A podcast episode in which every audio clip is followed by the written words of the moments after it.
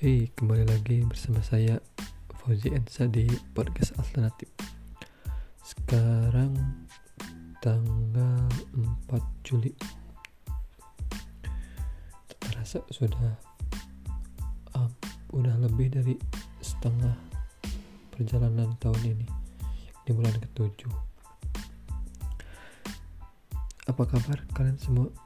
Semoga baik-baik saja tetap jaga kesehatan dan tetap menggunakan masker apabila pergi keluar rumah.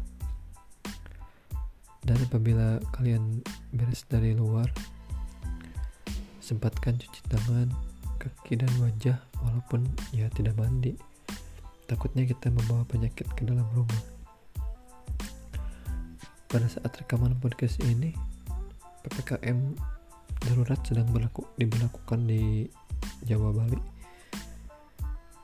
yakni sekarang pada hari kedua. Dan ini akan berlanjut sampai tanggal 20 Juli. Sampai Idul Adha. Dan pemerintah juga sudah mengumumkan bahwa sholat Idul Adha tidak akan diadakan di tempat umum gitu. Kayaknya kayak kemarin-kemarin lagi dilakukan di rumah pribadi masing-masing. Dan PPKM ini banyak juga jalan-jalan yang ditutup. Tempat-tempat penjualan ikut tutup. Dan hanya bisa buka sampai jam 8 malam. Untuk lebih lengkapnya lagi silahkan kalian googling aja sih. Ada banyak peraturan dan poin-poin kebijakan dari PPKM daruratnya. Eh, dari saya pribadi ya semoga cepat berlalu dan kegiatan seperti belajar mengajar kembali normal roda perekonomian kembali berputar sebagai mestinya. Ini karena dengan adanya PPKM darurat ini ya otomatis roda ekonomi pasti terganggu. Banyak sektor yang terdampak. Memang sangat parah sih pandemi ini. Sangat berakibat pada segi atau sektor ekonomi. Dan saya pernah mengikuti webinar. Nah, webinar itu tentang pandemi tapi lupa judulnya apa.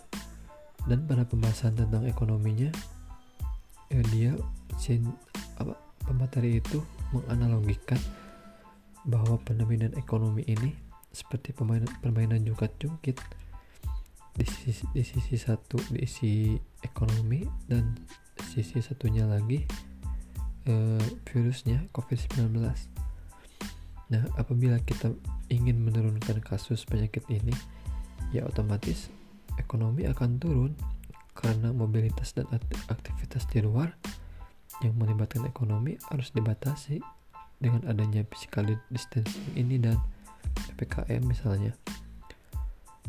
Lalu eh, apabila satu sisinya lagi dinaikkan yakni ekonomi maka virus COVID-19 otomatis akan naik. Ya memang benar sih kedua sisi ini sulit untuk diseimbangkan. Pasti pasti ada salah satu sisi yang dikorbankan. Dan mungkin untuk ppkm yang kali ini um, sisi ekonomi yang akan terdampak gitu. Nah dibalik ini semua saya sangat amat mengutuk orang-orang yang masih mencari keuntungan dari keadaan chaos seperti ini seperti menjual masker yang mahal hand sanitizer yang mahal apalagi sekarang kemarin-kemarin itu sempat viral yang orang-orang berebutan membeli uh, susu beruang bear brand. Ya mungkin itu buat mereka minum. Katanya ya untuk menjaga imunitas tubuh juga sih. Terus juga ada uh, orang-orang yang menimbun tabung oksigen atau sampai sampai sulit didapatkan. Atau juga sempat ada kasus yang tes apa tes, tes swab antigen atau apa yang menggunakan barang bekas demi keuntungan pribadi. Ya maksudnya orang-orang gitu pada saat ini sedang survive untuk melewati pandemi ini. Nah, oknum-oknum ini seakan tidak peduli dan malah mencari celah demi keuntungan pribadi. Ada yang bilang kita harus menabung pada saat seperti ini.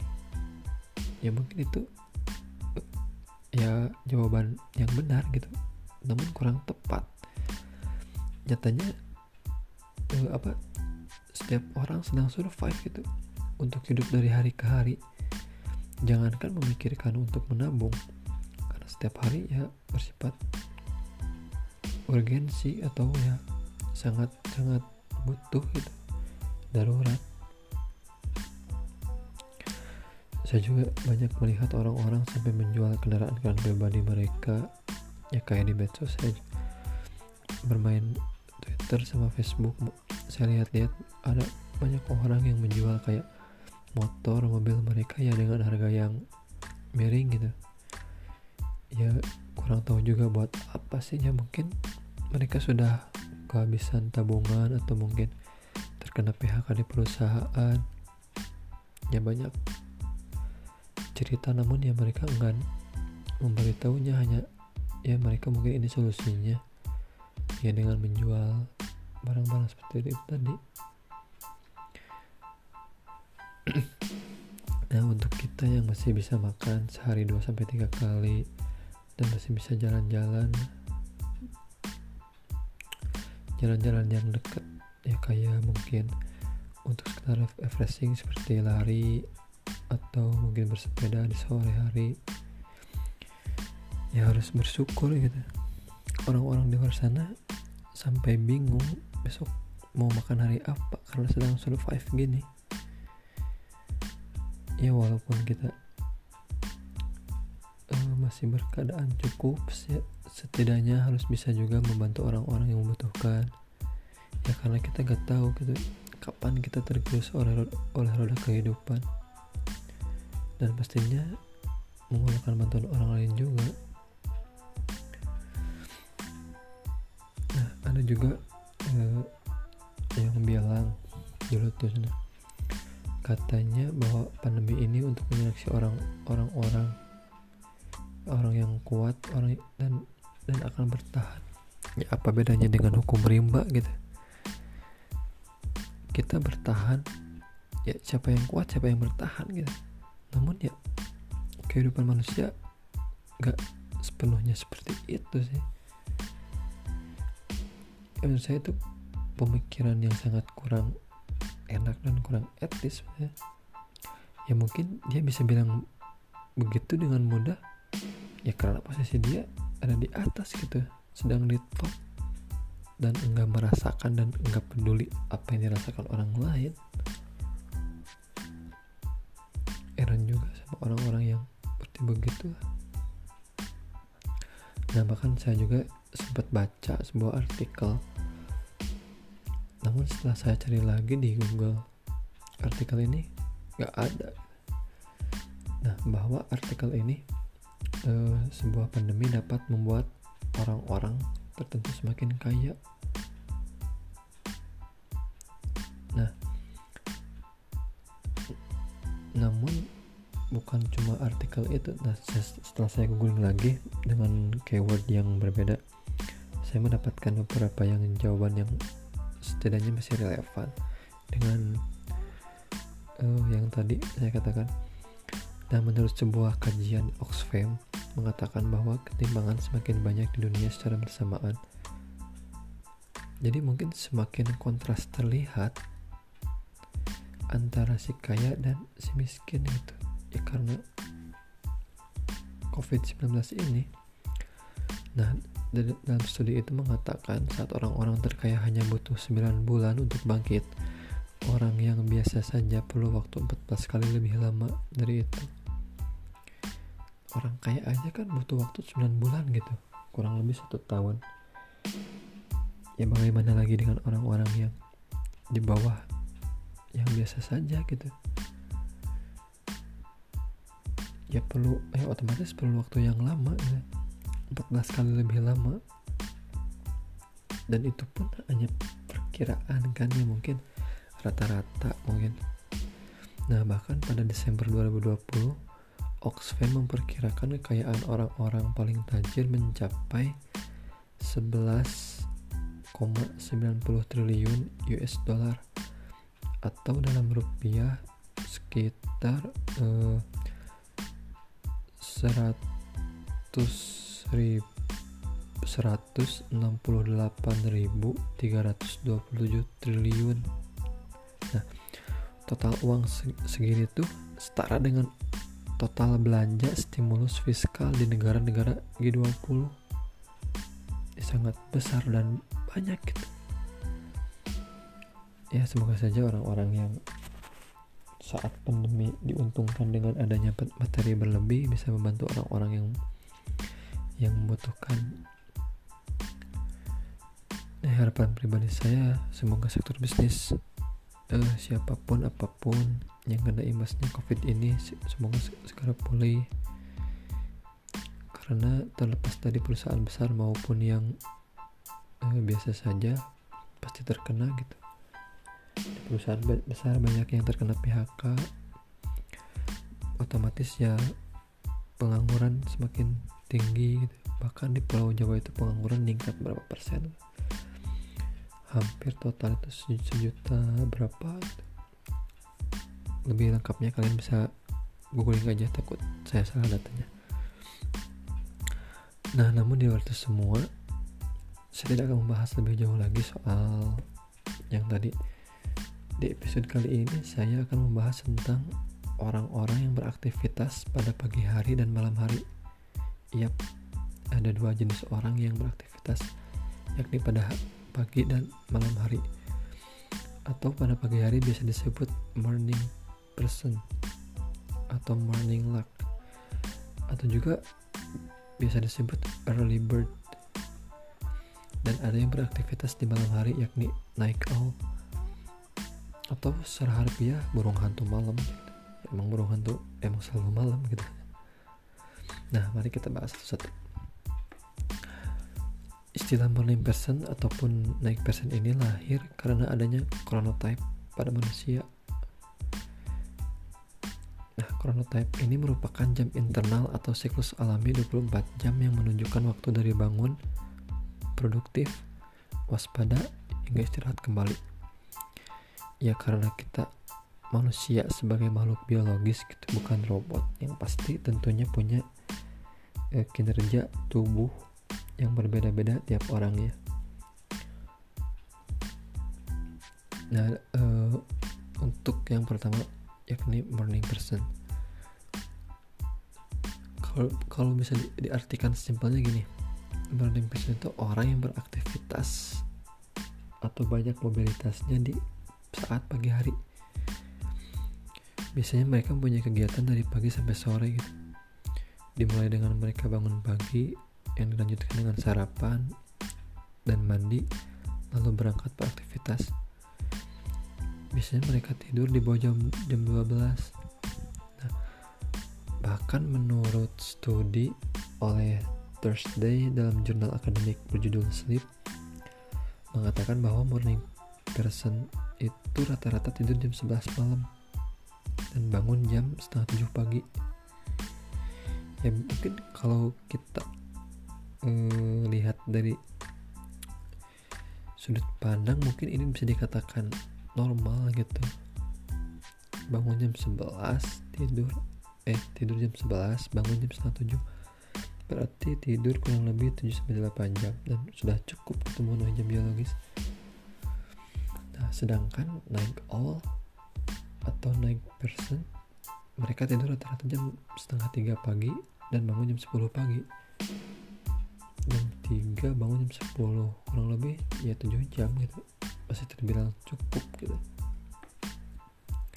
Nah keunggulan dari tipe morning person ini adalah dari segi kesehatan morning person ini um, sangat tidak beresiko diabetes sampai membuat tidur menjadi lebih berkualitas. Nah kalau tidur berkualitas kan otomatis gitu badan menjadi segar nggak pegal-pegal pada saat bangun. Dan bahkan menurut sebuah studi mengatakan orang yang bertipe morning person membuat kesehatan mental yang bagus. Ya balik lagi ke jam tidur mungkin ya. Kalau jam jam tidurnya cukup ya secara mental pun bagus dan sehat gitu. Ya kadang kan kita kalau kurang tidur merasa mata masih perih karena masih mengantuk terus badan pegal karena juga bawaannya selalu ingin marah gitu ya karena kurang tidur tadi.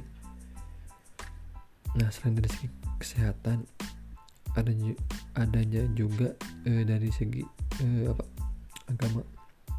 Ya karena terlebih lagi buat umat muslim kan harus sholat subuh gitu kan yang otomatis pagi gitu sekitar pukul 4 sampai setengah 5 itu kan azan subuh tuh nah tipe morning person ini sangat cocok gitu.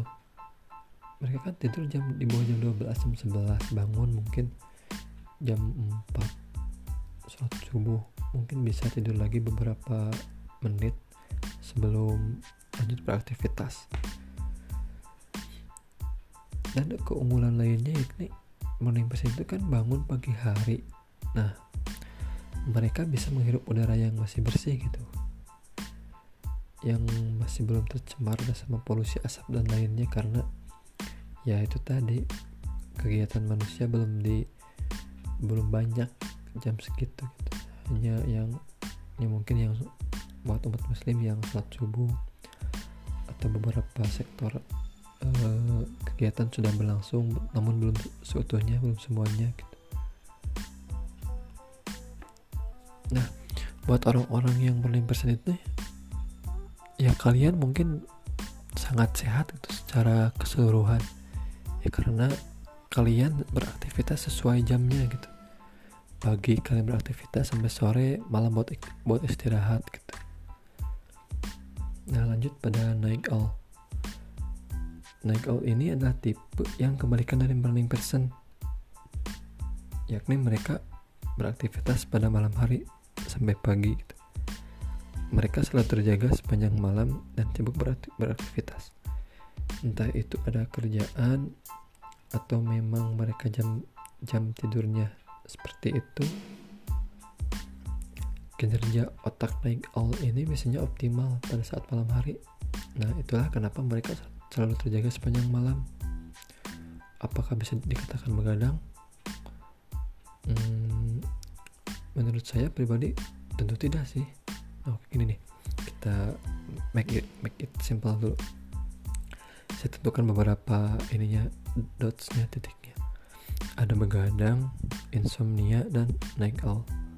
Nah, begadang menurut saya itu kondisi di mana uh, kita sengaja agar tetap terjaga sepanjang malam entah itu untuk mengerjakan uh, deadline tugas ataupun ada kegiatan lain atau hanya sekedar bermain game bersama teman nongkrong atau apa pun itu. Dan wakt waktunya waktu begadang itu bisa saja tidak setiap hari. Kadang misal kita ada deadline hari ini hari besok maksudnya ya otomatis kan malam ini kita harus begadang gitu untuk menyelesaikan tugas itu apabila belum selesai atau mungkin ada pertandingan bola yang agak larut apalagi sekarang sedang Euro. Semifinal masuk Inggris sama Italia Denmark dan uh, apa lagi? Denmark dan duh Spanyol. Nah ya mungkin karena begadang itu kan memang kita sengaja uh, terjaga sepanjang malam gitu. Nah, kalau insomnia adalah kondisi di mana kita susah tidur gitu. Terbalik kan kalau begadang itu sengaja kita tidak tidur. Nah, kalau insom di mana kondisi kita itu susah tidur. Ya baik karena kita telah tidur siang atau memang punya masalah dengan insomnia gitu sebelumnya. Ya ada kan tipe orang yang kalau misal dia sudah tidur siang pas malamnya susah tidur kan ada nah itu bisa dikatakan insom nah kalau naik owl ini adalah mereka atau kita yang sudah terbiasa beraktivitas di malam hari. Ya karena corona type tadi itu. Kalau bisa dikatakan begadang bukan sih tapi mungkin karena jam biologis dan chronotype-nya sudah seperti itu. Jadi ya bisa nggak bisa dikatakan itu begadang sih tapi ya memang dia naik all gitu dia lebih sering beraktivitas pada malam hari. Bahayakah menjadi seorang night owl? Eh, mungkin dari segi medis tak selalu buruk. Bahkan ada beberapa data yang menunjukkan bahwa orang yang tergolong tergolong night owl cenderung lebih produktif dan memiliki lebih banyak stamina di siang hari ya ini berarti menandakan mereka kan sehat-sehat saja gitu. Ya nggak sampai punya penyakit yang aneh-aneh sampai berbahaya gitu. Nah di sisi lain menurut hasil analisis gen menjadi naik owl juga tak selalu membuatnya berurusan dengan gangguan kesehatan fisik. Hingga saat ini belum ditemukan adanya koneksi kuat antara menjadi antara menjadi naik all ini dengan kemungkinan mengidap diabetes dan obesitas. Nah ini mungkin karena ya sudah terbiasa itu tadi bukan bukan disengaja gitu. Kan kalau kita disengaja tidur eh disengaja begadang mungkin ada beberapa jam biologis yang secara mendadak berubah gitu. Sedangkan naik all ini kan mungkin sudah lama menjadi kebiasaan dan ya sudah terbiasa juga gitu ya menurut saya kenapa orang-orang yang bertipe naik all ini sehat-sehat saja? Itu karena mungkin yang menurut saya pribadi organ-organ tubuh serta mental mereka sudah menyesuaikan dengan jam biologis karena chronotype itu tadi sehingga mereka tetap sehat gitu. Berbeda dengan begadang yang begadang ada yang sudah begadang berhari-hari berturut-turut ada yang menjadi badan lemas bahkan sampai sakit itu karena tubuh mereka tidak terbiasa melakukannya. Ya karena itu tadi mungkin ada deadline. Dan harus betul itu yang terus menerus selama beberapa hari. Bahkan ada, ada sempat di apa di Line Today ada seorang pria dia sering begadang beberapa hari berturut karena ada deadline dari kantornya Nah setelah hari keberapa dia tiba-tiba pingsan dan dilarikan ke rumah sakit dan dia mengalami pendarahan pencernaan kalau tidak salah. Ya mungkin karena dia mungkin orangnya yang bertipe morning morning person terus dia tiba-tiba begadang yang secara drastis gitu dan di, di kurun waktu yang lama ya mungkin badannya juga nggak siap dan nggak ya nggak bisa menyesuaikan ya jadi drop gitu ke badannya. Nah pasti kalian ada pertanyaan apakah morning person bisa ber bisa berubah menjadi night owl atau begitu pun sebaliknya night owl menjadi morning person? Menurut saya pribadi bisa saja tapi tidak secara tiba-tiba gitu yang tidak yang tidak dadakan gitu butuh waktu lagi untuk memulai chronotype dan jam biologis baru. Ya sehingga tubuh menyesuaikan. Eh, jangankan perubahan chronotype dan jam, jam biologis gitu. Sebuah kepribadian pun bisa berubah dari extrovert menjadi introvert ataupun sebaliknya dari introvert ke extrovert misal ada sebuah kejadian yang membuatnya pengalaman yang traumatik gitu kan bisa saja kan berubah kepribadian gitu. Atau dari pola kehidupan yang berubah ya bisa-bisa saja gitu. Jangankan jam biologis sebuah kepribadian pun bisa berubah gitu. Namun ya ini perubahannya dalam segi tipe ya bukan dari segi baik buruknya. Nah apalagi sedang pandemi seperti ini seperti banyak orang yang jam tidurnya kacau bahkan sampai berubah drastis gitu ya tapi semoga sehat-sehat saja kalian. Nah setiap tipe morning person dan night owl ini punya kelebihan dan kekurangan masing-masing. Serta mempunyai resikonya masing-masing juga. Baik dari segi baik dari segi kesehatan secara mental maupun fisik. Nah tapi apa pun tipe orang seperti apa entah itu night person atau uh, morning person Pastikan selalu menjaga gaya hidup dan pola makan yang baik, karena ini sangat berpengaruh pada kesehatan badan. uh, oke okay. thank you kalian sudah mendengarkan ocehan saya ini segitu saja dulu pembahasan kali ini mungkin kalau kurang lebihnya kalian bisa cek cek ini cek lagi di Google di link-link terpercaya atau mungkin ada saya yang salah ucap. Dan bisa kalian bisa cek kevaliditasannya di link-link yang lain juga. Biar informasi yang kalian dapatkan lebih lengkap gitu. Dan kalau kalian mempunyai saran kritik atau pertanyaan bisa DM ke Instagram podcast alternatif yakni at pod al underscore alternatif. Nah selain berpodcast saya juga suka menulis di blog pribadi kali pribadi saya. Kalian bisa membaca baca artikelnya di alternatifid.blogspot.com ya masih masih blogspot sih ya karena kalau beli lumayan ya lumayan mahal juga sih. Oke deh thank you kalian sudah mendengarkan episode kali ini. See you